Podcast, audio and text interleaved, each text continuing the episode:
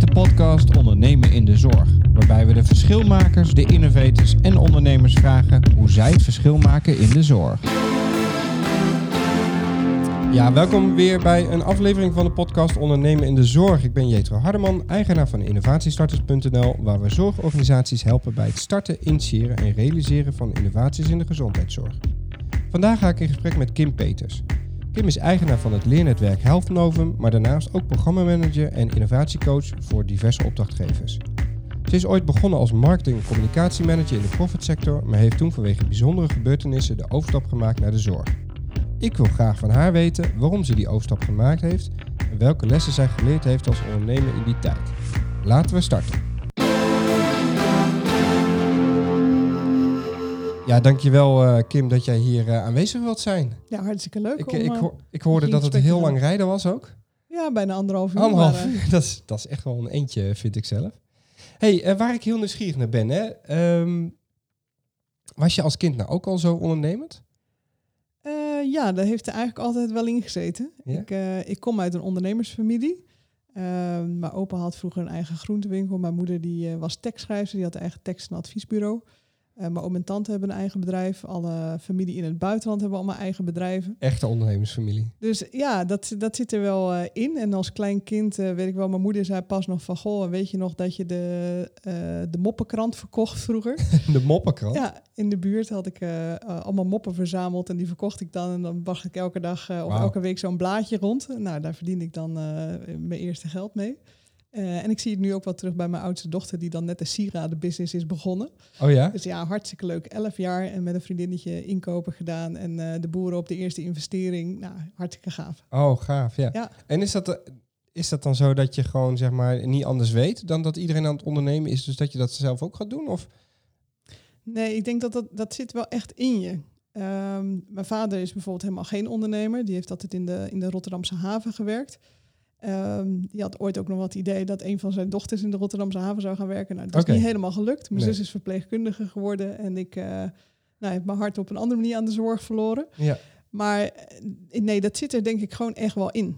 Ja. Ja, dat voel je. Dat is ook een bepaald gevoel. Ook al die tijd dat ik in loondienst ben geweest, want dat heb ik ook heel wat jaren gedaan, zat altijd die onrust erin van ik waar ik ondernemen. Oké. Okay. En uh, sinds uh, afgelopen februari doe ik dat nu echt fulltime. En dat had ik uh, misschien wel veel eerder moeten doen, maar eh, soms heb je net een zetje nodig. Ja, want eh, nog even terug naar jou als kind. Hè? Je verkoopt zo'n moppenkrant. Eh, wat, wat voor andere dingen heb je opgezet in die, opgezet in die tijd? Ik weet nog wel, in mijn studietijd hebben we ook wel een, een mini-business opgezet met een vernieuwd soort schoenveters. Uh, die hoefde je niet meer te strikken. Dus die kwamen uit Australië. Die had ik bij familie daar gezien. Dat heette Spring, Springles, heten ze volgens mij. Ja. Dat waren van die uh, kringel... Uh, ja, ja die ken ik nog wel. Ja, van die kringelveters.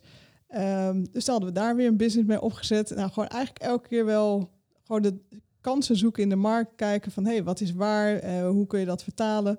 Ja, dat ja. is wel iets waar ik heel blij van word. En je zegt van, hè, dat een bepaalde onrust die je voelt... Um, was dat er vroeger ook al? Of hoe uitte zich dat dan? Um, ik denk dat die onrust er vroeger minder was. Dan zat het er wel in, maar dan bracht ik het er meer misschien wel hobbymatig uit of zo. Uh, en op een gegeven moment dan ga je toch wel naar je eerste banen toe. Ja. En dan ga je samenwonen, je krijgt bepaalde verplichtingen. En dan doe je die overstap niet meer uh, zo snel. Uh, terwijl als ik er nu op terugkijk, misschien had ik het wel gelijk naar mijn studie moeten doen. Mm. Ja. Ja. Ja, want inderdaad, dat is misschien wel een vraag van... Goh, wat heb je dan van vroeger meegenomen wat je nu nog steeds doet? Welke les bijvoorbeeld hier hebt geleerd bij, bij de moppenkrant? Nou, nee, niet zozeer bij de moppenkrant. Wat ik wel echt van mijn ouders heb meegekregen is... als je iets wil, dan moet je er echt voor gaan... en je moet het zelf organiseren en regelen. Uh, dus ik was heel jong. Ik deed een uh, opleiding uh, International Business... Um, en ik wilde stage lopen in het buitenland... want dat was eigenlijk het enige wat ik echt leuk vond aan die studie... dat het een Engelstalige studie was en dat je naar het buitenland mocht... En ik weet nog dat ik stage wilde lopen en dat mijn ouders zeiden, nou ja, dan moet je een stageplaats in Engeland gaan regelen. Succes. Dus geen kruiwagen, maar het wel gewoon gaan doen. Nou, ik weet nog wel die eerste keer dat ik echt gewoon in mijn broek scheet om te gaan bellen en weer te gaan bellen en er nog een keer voor te gaan bellen. Maar uiteindelijk lukt het dan wel. Ja. Dus dat is wel iets wat mijn ouders altijd hebben gestimuleerd van oké, okay, als je het echt wil, dan moet je ervoor gaan. Uh, en dan niet opgeven en op een nette manier wel gewoon doorgaan en, uh, en het dan toch realiseren. Ja. Dus dat, dat is wel iets, en dat doe ik nog steeds wel. Dat zit er nog steeds wel in. Ik geef nooit zomaar op. Nee. Is, de, is dat dan ook, uh, dat is gelijk even vooruit hoor, ook een soort inzicht inderdaad van, goh, als je ondernemers in de zorg hebt of überhaupt ondernemers, dat dat een, een vaardigheid is? Dat je altijd bereid moet zijn om eigenlijk zelf het helemaal te organiseren en niet te wachten op anderen? Nou, je kan het ook met anderen doen. Ik bedoel, dit is niet, uh, er leiden meerdere wegen naar Rome, dus dit hoeft niet per se de weg te zijn wat mij betreft. Maar wat je wel ziet in de zorg is dat je een hele lange adem moet hebben. En uh, er zijn ook hele ongeduldige ondernemers die, uh, ja, die ook wat tegen mij hebben gezegd van, nou, wat jij nu doet en die lange adem die je daarvoor hebt, ja, ik heb het geduld er niet voor. Nee, nee. Dus ja, uh, ik denk dat, dat dat wel iets is, die, die volhardendheid. Um, en, en niet te pusherig, maar wel gewoon op, op de juiste momenten er zijn. Um, en toch doorzetten en daar wat langer de tijd voor nemen. Dat dat wel iets is wat bij de zorg heel goed past als ondernemer zijn. Ja, dus volhardendheid, geduld. Ja, geduld is een schone zaak. Ja. Ja. ja. Hey, en nou, nou ben je niet uh, begonnen in de zorg. Nee. Uh, zoals velen eigenlijk wel. Uh, maar je bent begonnen in de profitsector. Kun je iets vertellen over waarom je eigenlijk van profit naar zorg bent gegaan? Ja, mijn, uh, een van mijn eerste banen, dat uh, verkocht ik voeding, drank en equipment aan alle luchtvaartmaatschappijen en luchtvaartketeraars wereldwijd. Um, maar al heel snel merkte ik dat ja, er is maar één doel en dat is meer verkopen. En, uh, en meer omzet draaien. En dat is niet echt iets waar ik de meeste energie uit haal. Dus, um, en dat is nu uh, ondernemen in de zorg. Ja, dan voeg je echt waarde toe voor mensen. Daar, daar maak je een verschil voor mensen. Ondanks dat je geen medische achtergrond hebt, kun je daar wel bij helpen. En uh, dat geeft mij voldoening. En niet zozeer om per se uh, nou, bij Unilever te gaan werken, chocomel te verkopen en nog meer chocomel te verkopen. Dat, nee. dat is niet wat mijn drijf is. Nee, en hoe kwam je dan tot die keuze?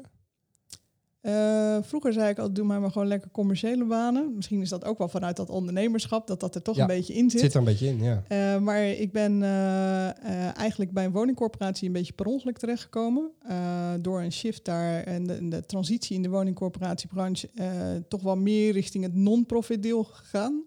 Um, en toen in die periode ben ik zelf ook in aanraking gekomen met de zorg. Daarvoor eigenlijk nooit. Um, mijn man die uh, kreeg een ongeluk met voetballen. Dat had heel veel impact. In twee jaar tijd moest hij echt een aantal keren geopereerd worden. Um, met, met ook echt een behoorlijk impact en hersteltijd.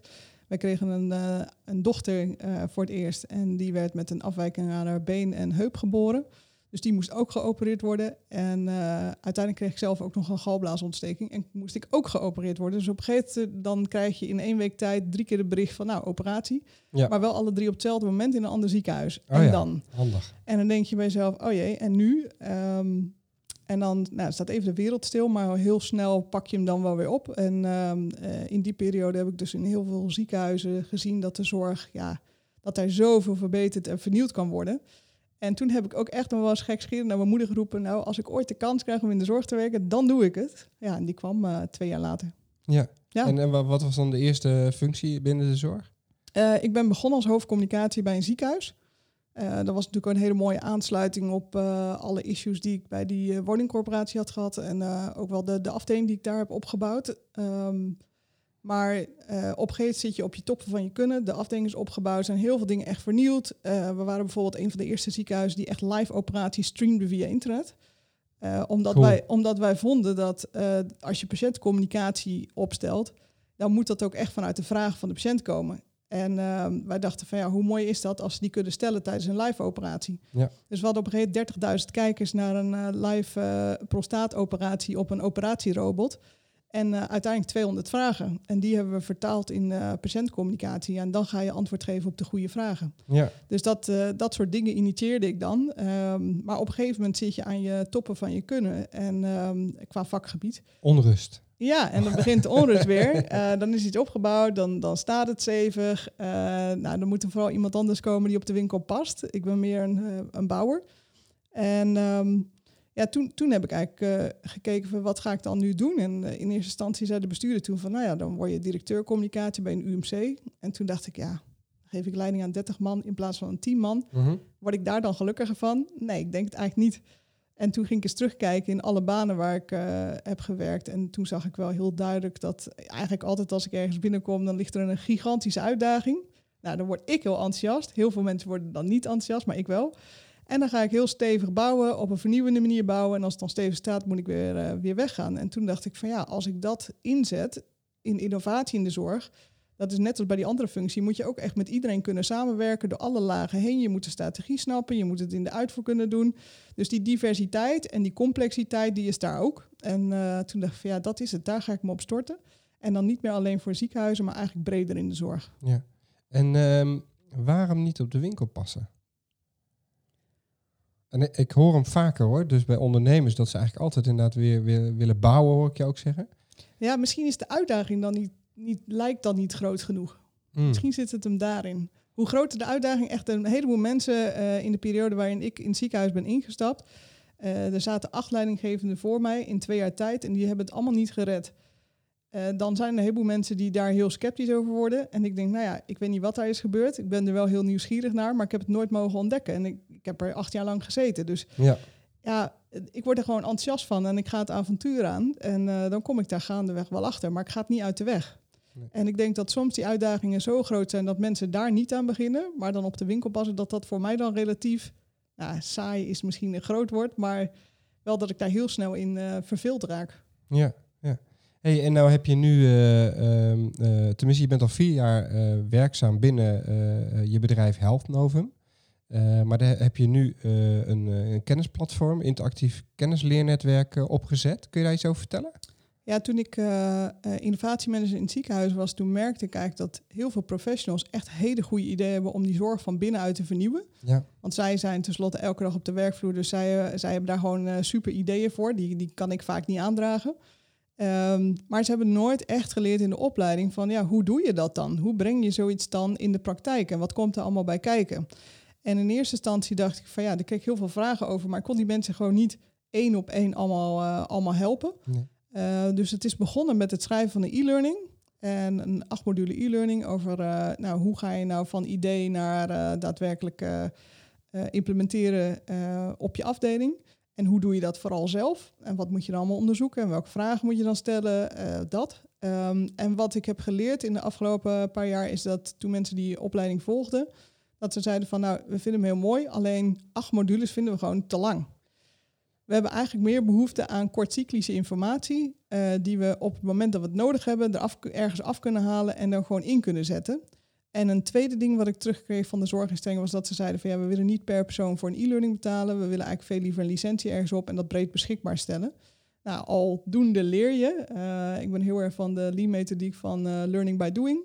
Um, dus dat heb ik ter harte genomen. En uiteindelijk uh, heeft dat geleid tot het interactieve leernetwerk. Dus er staan nu in dat interactieve leernetwerk staan allerlei kennisinstrumenten waarmee je eigenlijk van binnenuit die zorg kunt vernieuwen. Dus allerlei tooltjes die je in kunt zetten. En dat gaat van een blog van ja, hoe verwonder je eigenlijk opnieuw over de processen die je dagelijks doorloopt, zodat je weer kansen ziet en het niet meer gewoon is. Uh, tot aan uh, hoe, hoe werkt eigenlijk teamdynamiek en hoe neem je de grootste droeftoeter toch mee, uh, succesvol mee op je, Ja. op je vernieuwingstraject. Tot aan de acht do's van implementatie. Nou, van alles staat erin. En ehm, ja, mijn droom daarmee is wel om daar echt een, een landelijk netwerk van te maken van mensen die voorop willen lopen en die zorg willen vernieuwen. En gemiddeld praat je dan over max 15% in de organisaties en de rest zijn toch wel echt meer de volgers. Ja. Ehm, en die vooral te gaan verbinden met elkaar in dat netwerk, zodat we ook samen gaan leren en ook discussies in die instrumenten gaan zetten, zodat we dat samen doorontwikkelen en niet ieder voor zich dat wiel opnieuw uit zit te vinden. Want dat is wel een beetje zorg eigen. Ja, ja. En wat, wat mij wel triggert is wat je zegt, is dat eh, je had een acht stappen eh, e-learning en mensen vonden dat te lang. Ja. Eh, dat is interessant, want eh, en ik, ik sta helemaal achter de boodschap. Hè. Eh, er zijn allemaal van die mensen die goede ideeën hebben, maar ze krijgen het maar niet verder. Maar waar ik dan wel mee worstel is, ehm, eh, en dat noemen ze wel eens voor een dubbeltje op de eerste rij willen zitten. Dat is ook wel met leren. Dat ze soms inderdaad eh, eh, met minimale middelen eigenlijk verwachten dat ze daar maximaal uit kunnen halen. Ja. Terwijl het niet altijd natuurlijk zo werkt. Nou, ik vind die acht modules echt wel nodig om daar te komen waar je Ja. moet zijn. Ja. Eh, maar misschien is het een manier van aanbieden die nu, het is nu wat versnipperder aangebied, aangeboden, waardoor je eh, het eigenlijk op een bepaald moment dat je ergens tegenaan loopt, dan pak je het. In plaats van dat je echt gaat zitten om in één keer die e-learning door te doorlopen. Dus misschien is het de manier van aanbieden die beter passend is. Maar uiteindelijk heb je het echt wel allemaal nodig. Ja, ja, ja. En dan ga je er misschien iets organischer doorheen. Ja. Dan dat je echt eh, denkt van, oh, dit is een opleiding, je krijgt er accreditatiepunten voor.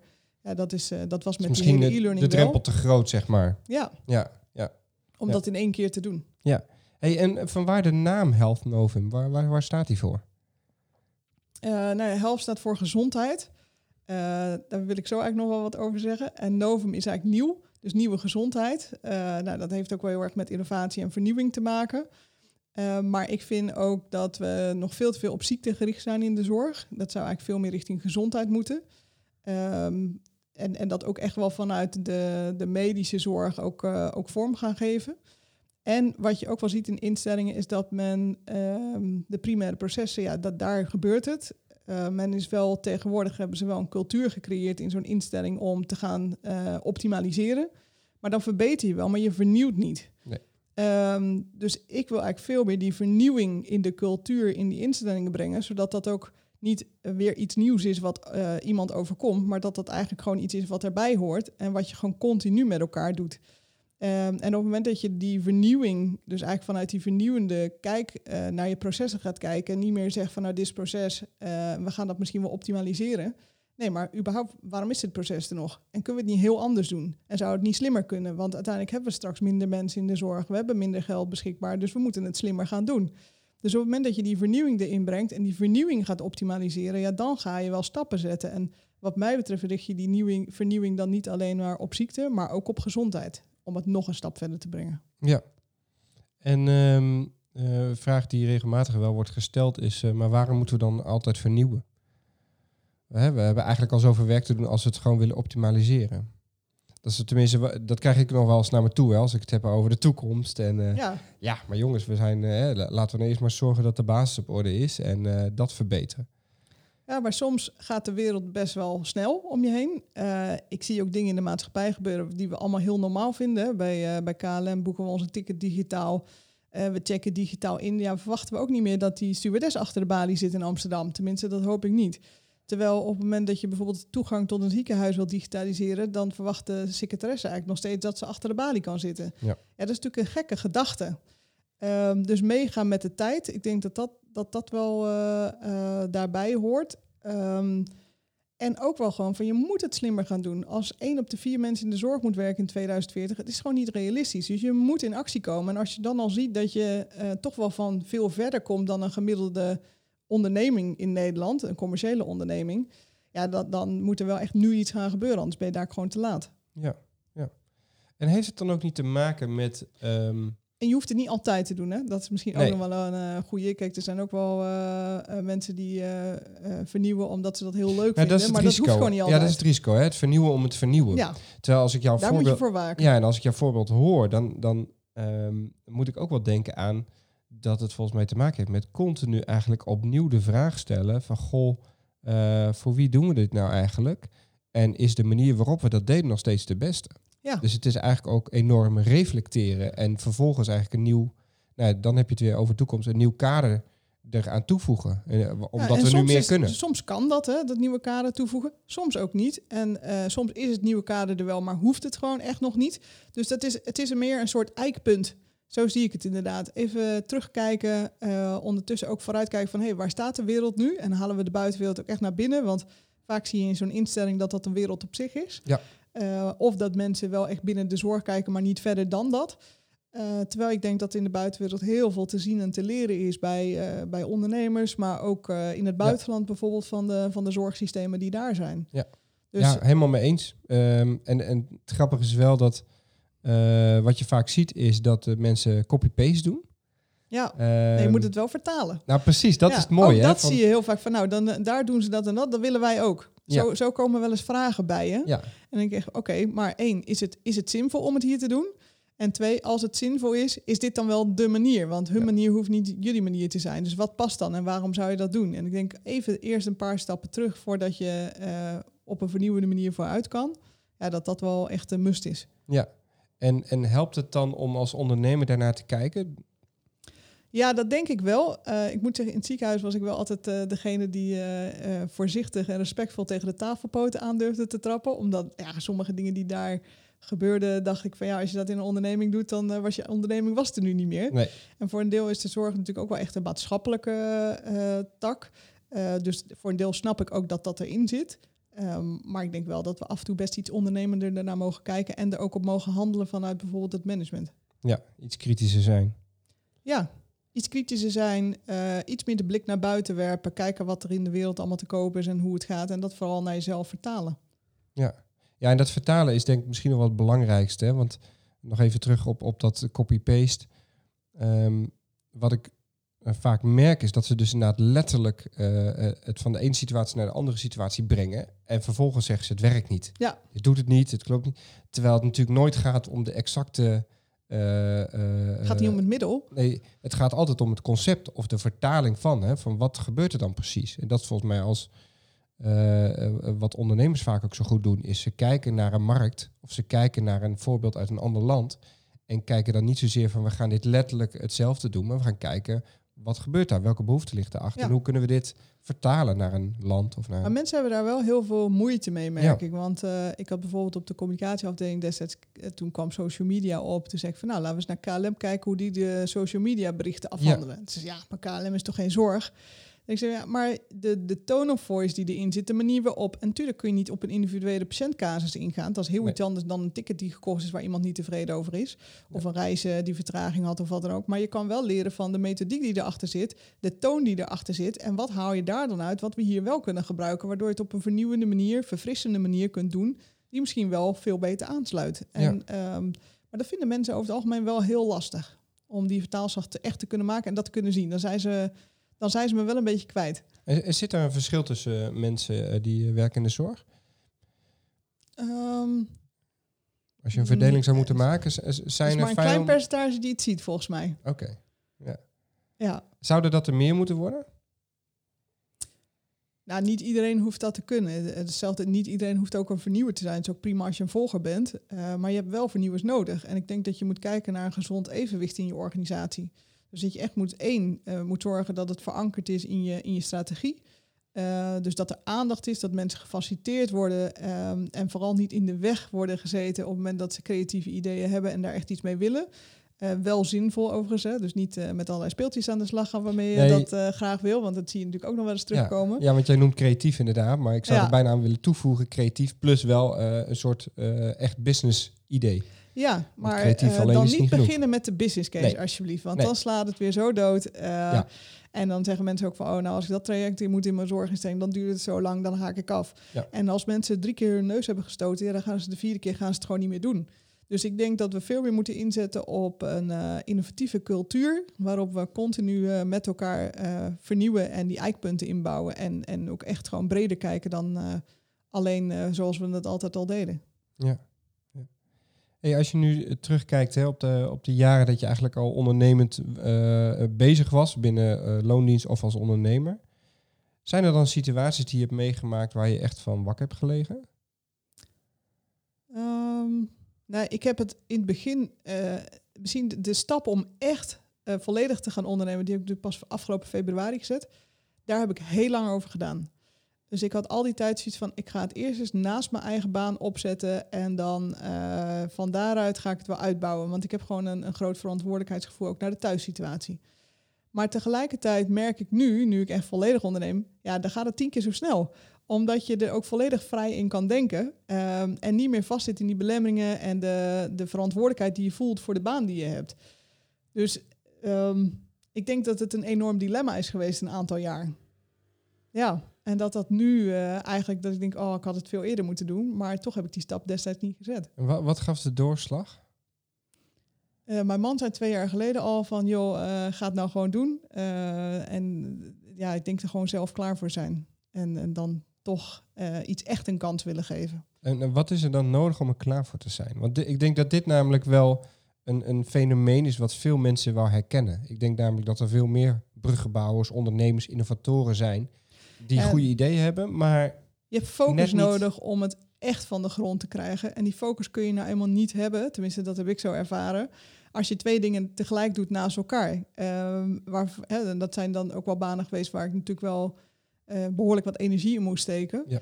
Maar dat, het werkt gewoon niet naast elkaar. Het is niet Alles flexibel aandacht- genoeg is na, na- na- Nee. naast elkaar. Dus eh, alles wat aandacht krijgt, groeit. En Ja. ik heb dit gewoon te weinig aandacht gegeven. eh, en het halstarrig geprobeerd. En misschien wel ook te lang.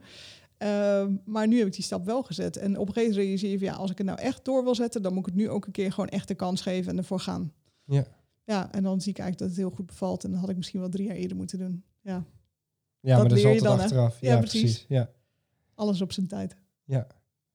Als je kijkt naar zorgorganisaties, zijn die dan voldoende in staat om ondernemende mensen te laten floreren binnen een organisatie?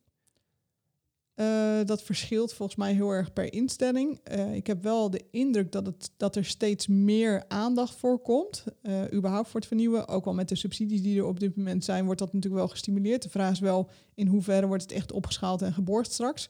Ik hoop dat het echt een nieuwe manier van werken wordt. Ik denk dat corona daar ook wel een, een, een zetje in heeft gegeven. Eh, of het lang genoeg duurt om het echt eh, te laten beklijven, nou, dat moeten we nog zien. Ja.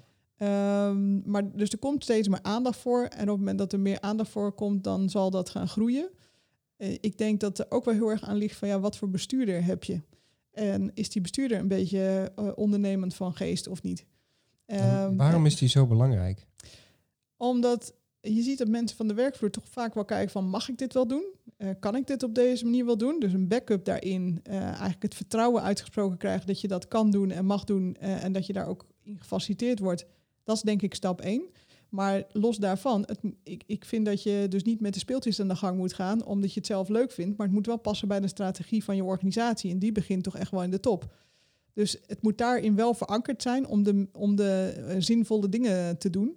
Ehm, maar dan vind ik wel dat je het vooral bij de werkvloer moet gaan neerleggen. En die het vertrouwen moet geven en moet faciliteren om het te doen. En eh, hoe speel je dat spel dan? Stel je bent zo'n eh, ondernemend persoon in een organisatie. Eh, wat je aangeeft is van ja, die kijken toch vaak naar een bestuurder. Ja, en en eigenlijk. Ik denk dat voor mij, ik heb daar in de, in de vakantie nog op gereflecteerd toen ik in Oostenrijk was. Eh, daar heb ik ook nog een post over op LinkedIn gezet. Dat het kijken vanuit verschillende perspectieven continu, dat dat helpt dat het verder komt. Als je alleen maar vanuit één perspectief blijft kijken, ja, dan kom je misschien niet, dan, dan, dan stokt het misschien wel. Terwijl de ene keer kijk je op strategisch niveau, dan kijk je weer op heel praktisch niveau. Het schakelen tussen die niveaus, eh, eh, de verschillende niveaus daar ook in meenemen in je proces. Dus niet in één keer te snel gaan of, of juist weer te langzaam, waardoor je het niet kan verantwoorden.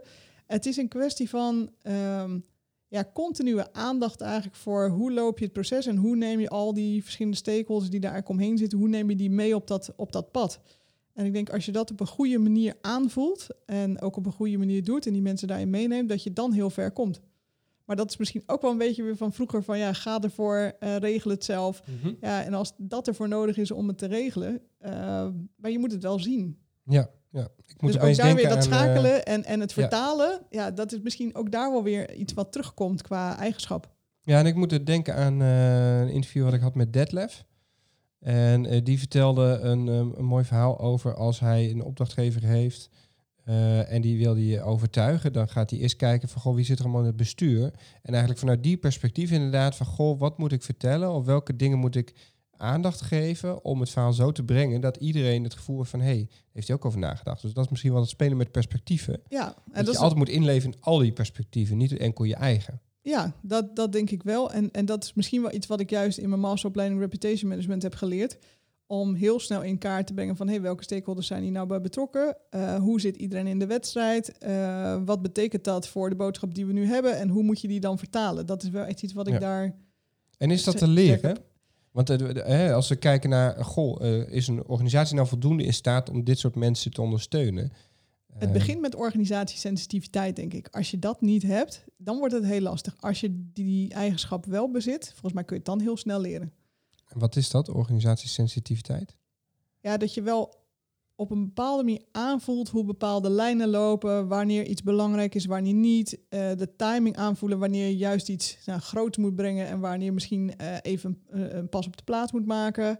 Dat, dat aanvoelen van hoe lopen de lijnen en wat is nu voor wie belangrijk en hoe time je dat dan. Ik denk dat dat wel een stukje organisatiesensitiviteit is. Als je dat hebt, ehm, ja, volgens mij kun je dan heel makkelijk leren om goede stakeholder-analyses te maken en de boodschap eh, vanuit die kanten te denken, de boodschap daar naartoe te vertalen. Ja.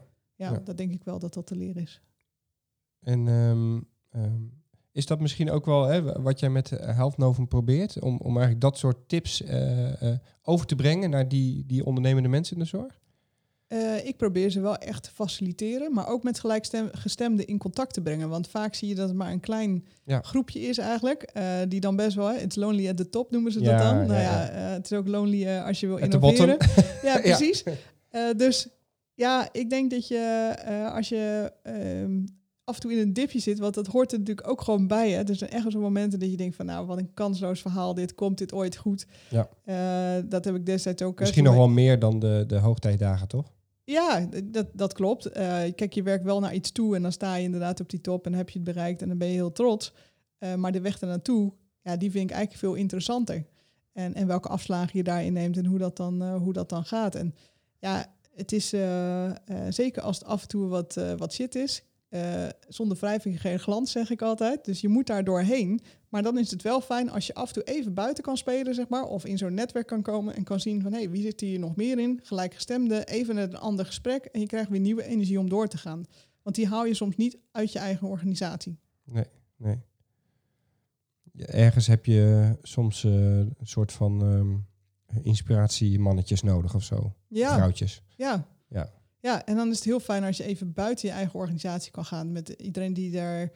eh, mensen die niet eh, eh, nou, midden in de hectiek zitten waarin jij zit en in de dilemma's waar jij zit, maar gewoon even helemaal verfrissend iets tegen Weer een ander perspectief. Ja, precies. Ja. Hey, ik heb jou ook gevraagd om een persoonlijkheidstest in te vullen. En naar aanleiding daarvan heb ik nog een aantal interessante vragen. Ehm, want wat interessant was, is dat eh, emoties en fantasie weinig rol lijken te spelen in jouw ondernemerschap. Eh, terwijl je wel heel erg nieuwsgierig bent en nieuwe activiteiten opzoekt. Dus hoe vertaalt dat zich in jouw ondernemerschap? Ja, dat is wel een hele goede, goede vraag. Ehm, ik ben zelf niet de meest creatieve persoon op deze aardbol, denk ik. Eh, ik kan wel heel goed met creatieve mensen samenwerken. Kan ze overigens ook heel goed brieven. Ik denk ook beeldend. Dus dat is wel iets wat je. Wat, wat, ik zie het wel voor me, maar kan het niet zelf maken. Ehm, dus dat is denk ik wel een verschil. Maar doordat ik het niet zelf kan maken, maar ook wel heel goed kan inschatten van hé, hey, wat gebeurt er nou in zo'n organisatie? ja, juist dat samenspel maakt het misschien wel succesvol. Dat het ook daadwerkelijk gebeurt en van de grond komt. Uh, ik weet nog in de, in de tijd in het ziekenhuis dat ik wel eens ondernemers had. En uh, dat daar een arts bij kwam. En dat die ondernemer bijvoorbeeld. was een idee om een uh, patiënt die een delier opliep. Uh, daar stond dan in de, in de richtlijn van eigenlijk moet je dan iemand zo goed mogelijk naar de thuissituatie brengen, naar de bekende situatie. Ja, dat kan niet als die in het ziekenhuis ligt en een Nee. kwetsbare ouder is. Dus had een arts bedacht van nou, dan doen we een virtual reality bril op met dan een beeld van de eigen woonkamer daaromheen. nou, een ondernemer erbij gehaald en die ondernemer die geeft eigenlijk aan van uh, nou, laten we het maar gewoon gaan testen. Waarop die arts natuurlijk gaat stijgen. En die zegt, ja, dat kan niet zomaar. Uh, we hebben een commissie ethiek en dan moeten we eerst op gezonde populatie ouderen testen. En dus die ondernemer die wordt ongeduldig. Die heeft zoiets van, ja, uh, hoezo gaat dit zo lang duren allemaal? En die, en die arts die heeft zoiets van, ja, als die ondernemer nu blijft drammen, en dan stopt het. Dus je moet daar een soort ja, mediator in zijn, denk ik. Um, en je moet je kunnen verbeelden in allebei die rollen uh, en dat goed samen weten te brengen. En ik denk dat daar meer mijn kracht zit dan in het daadwerkelijk uh, creatieve stukje ontwikkelen, zeg maar. Ja. En ik kan het wel bedenken, maar kan het niet zelf maken. Nee, en helpt het dan dat je er wat uh, nuchterder naar kan kijken? Ja, ik kijk over het algemeen inderdaad wel heel, Niet heel snel nuchter. geraakt wordt door die emoties die er rondvliegen? Of... Nee, ik vind dat boeiend om te zien. En, Ja. uh, en om dan te zorgen dat het weer op één lijn komt. uh, en dat je dan verder kunt met elkaar en tot mooie dingen kan komen. En dat ze daar later ook gewoon wel lachend op terugkijken met elkaar. denk ik van ja, daar hebben ze misschien wel meer aan dan dat ik het zielig ga vinden. Ja, ja. Hey, en je scoort ook hoog op ambitie, volha- volhardendheid en grondigheid. Um, is dit iets wat uh, bij, ja, soms bij innovators of ondernemers ontbreekt? Ja, ik denk dat ondernemers over het algemeen wel doorzetters zijn. Um, alleen of ze. Uh, kijk, ondernemen in de zorg is wel echt iets anders dan gewoon ondernemen buiten de zorg. En waarom is het anders? Ja, omdat de doelstelling gewoon anders is. De, de, de doelstellingen kunnen, kunnen ook heel erg variëren. Het is niet altijd hetzelfde vraagstuk wat je zomaar ergens neer kunt leggen. Dus um, ik denk dat de complexiteit van de zorg het ligt er ook heel erg aan wel, in welke instelling zit je. Zit je in een ziekenhuis ja. of in een VVT-instelling of in de gehandicaptensector. De, de, het doel wat je ermee hebt is anders. En eh, daar moet je op schakelen. En die complexe vraagstukken, die moet je wel snappen. En ik denk dat het, het ondernemen buiten de zorg eh, ja, wat, wat, wat rechtlijniger is daarin. Dus Misschien eh, makkelijker. Ehm, nou ja, ik, ik ken andere branches niet goed genoeg om daarover te oordelen. Eh, maar de zorg is best wel heel complex. Je hebt een lange adem nodig. Eh, ondernemerschap is daar natuurlijk ook niet de nummer één core business, want het gaat echt over zorg verlenen. Dus ja, zolang je, als je daar waarde aan toe kan voegen, dan krijg je wel een voet tussen de deur. Maar je moet het niet te plat insteken. Nee. nee. Hey, verder scoorde je laag op spanningsbehoeften. Dus blijkbaar weinig behoefte aan spanning in je leven of in je werkende leven. Eh, maar toch weet ik dat jij een langere tijd een- echt wel een spannende job hebt gehad binnen een ziekenhuis. Ehm, hoe weet jij spannende situaties behapbaar te maken voor jezelf? Ja, ik moest er ook wel om lachen toen ik dat las. Want toen dacht ik van ja, is, iets, is mijn leven spannend of niet? Ik denk dat mijn lat daarin gewoon heel hoog ligt. Eh, ik heb jarenlang inderdaad gewoon crisisdienst gedraaid en eh, ja, allerlei dingen gedaan. Altijd beschikbaar geweest en van A naar Z gerend. En, maar dat is voor mij het normaal.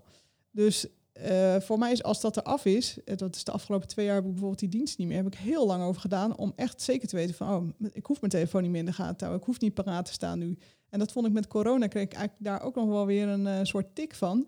Dat die eerste paar weken, ja, als ik nog in het ziekenhuis had gewerkt in die functie die ik destijds had, dan had ik vol aan de bak gemoeten. En nu moest ik echt op mijn handen zitten thuis. Ik kon niks doen. Mijn opdracht stopte, eh tenminste één van de opdrachten stopte. Dus ik had in één keer tijd.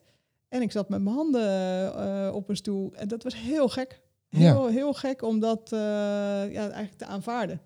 En eh, dat heeft een paar weken geduurd en daarna was ik er wel weer doorheen hoor. En zo gaat het vaak. Ook in die periode dat ik natuurlijk thuis met die drie ziekenhuizen zat. En ja, sommige mensen die komen daar echt niet uit.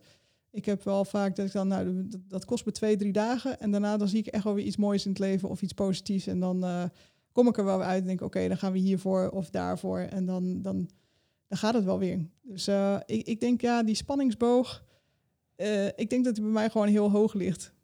Ja, Ja, maar ik heb niet zoiets, ik hoef niet eh per se te gaan bungee jumpen of die spanningsdingen heb Nee. ik niet. Nee. Nee. Maar het mag wel heel dynamisch zijn in mijn werk. Dat Ja. vind ik heel leuk. Als dat ja misschien is dat ook wel het verschil. Hè? Dus dat je inderdaad geen behoefte hebt aan bung- bungee jumpen, maar dat je dus wel dit soort complexe situaties of ja, hoe uitdagende... complexer, hoe leuker. Ja, Ja. Ja. En verder eh, komt er uit je, uit je test ook wel dat je een echte realist bent en, die nuchter naar de feiten kijkt. Ehm, nou, wa- wat we al eerder bespraken, emoties ook niet snel aantrekt. Eh, werkt dat nou in je voordeel als ondernemer? Dat denk ik wel. Dat eh, ehm, door er op die manier naar te kijken, kun je ook gewoon heel snel iets doen met feedback die je krijgt. Want elke feedback die je krijgt is waardevol. Maar als je het allemaal persoonlijk naar je toe trekt en je ligt daar echt wakker van, dan, dan heeft het een averechts effect, denk ik. Dus ja, ik probeer er altijd ook wel heel zuiver naar te kijken. Van hey, wat, waar komt dit nou vandaan? Ligt dit, kan ik daar iets in doen? Eh, of ligt dat ergens anders? Heb ik daar invloed op, ja of nee? Eh, en op het moment dat ik er geen invloed op heb, dan nou, ook wel goed terugkoppelen. Ehm, dus ja, ik denk wel dat mij dat helpt. Het is wel Ja. mooi wat je zegt, want ik, ik hoorde gisteren een interview van Annemarie van Gaal bij eh, BNR. En eh, die vertelde eigenlijk een, soort gelijke. Die zei ook van joh, alle feedback en alles wat je soms op je afkrijgt, eh, dat nam ik in het begin nam ik dat in mij. En uiteindelijk heb ik geleerd om dat buiten mij te houden. Hè? Om, om het niet eigenlijk invloed te krijgen op hoe, ik, hoe ik er zelf tegenaan kijk. Waardoor ze inderdaad veel rustiger en misschien ook wel wat nuchterder erin kon staan. In plaats van slachtoffer zijn van alles wat je eh, op je af eh, krijgt. Ja, en ik kan me voorstellen als je dat wel zo voelt, dat, dat het ook heel moeilijk is om daaruit te stappen. Ja. Eh, maar ik, ja, ik denk wel dat het mij helpt, inderdaad. Dus dat, dat, ja, dat herken ik wel, wat ze zegt. En het, het raakt mij wel op het moment dat iets echt gewoon heel oneerlijk is in mijn optiek. Hm. Dan, dan ben ik wel geraakt. Ja. Ja, Ja. dus ik vind dat... Wat gebeurt er dan? Eh, nou, daar kan, daar kan ik er echt over na blijven denken, eh erop terug blijven komen. eh, soms ook boos over zijn. Als ik het echt onterecht vind, ja, dan... ik had wel eens op mijn oude afdeling, dan kwam ik binnen en deed ik de deur dicht... en dan stond ik echt eventjes te, te razen. Dat wisten ze ook. En dat, die ruimte gaven ze me ook wel. Maar dan, dan ben ik echt wel geraakt. Op het moment dat er iets echt oneerlijk is. En ook gewoon echt oneerlijk is. Hè? Dus gewoon Ja. goed onderbouwd oneerlijk is. Ja, ja, ja. Ja. En hoe ga je daar dan verder mee om? Hoe eh, raak je dat weer kwijt? Nou ja, door even te razen. En dan, Oké, eh, dan en dan. En dan zie ik vaak wel weer de, de, de mooie dingen in. En dan denk ik, oké, nou nu gaan we weer verder. Ja, Want eh, hier heel lang blijven gaan staan stamvoet heeft ook heeft geen zin. zin. Nee, nee. Hey, afsluitend. eh, als jij ondernemers of verschilmakers nou een, een tegeltjeswijsheid zou willen meegeven, hè, wat, wat zou dat dan zijn?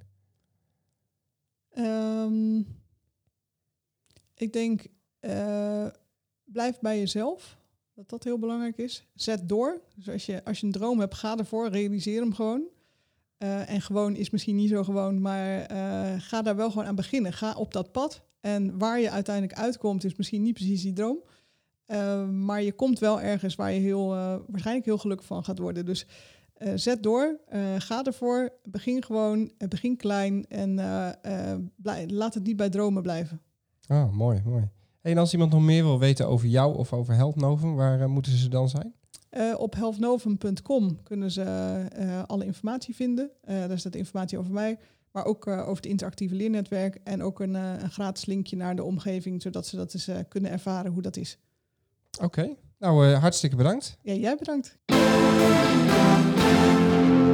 Dank jullie wel voor het luisteren. Wil je de vorige aflevering terugluisteren, dan kan het via Soundcloud, iTunes of Spotify. Heb je een vraag, tip of verzoek? Stuur me dan een mailtje naar info.innovatiestarters.nl En vind je deze podcast nou interessant? Laat het dan weten via sterretjes, duimpjes of reviews en deel de podcast met jouw collega's. Tot de volgende keer en laten we met z'n allen de zorg slimmer, beter en vooral leuker maken.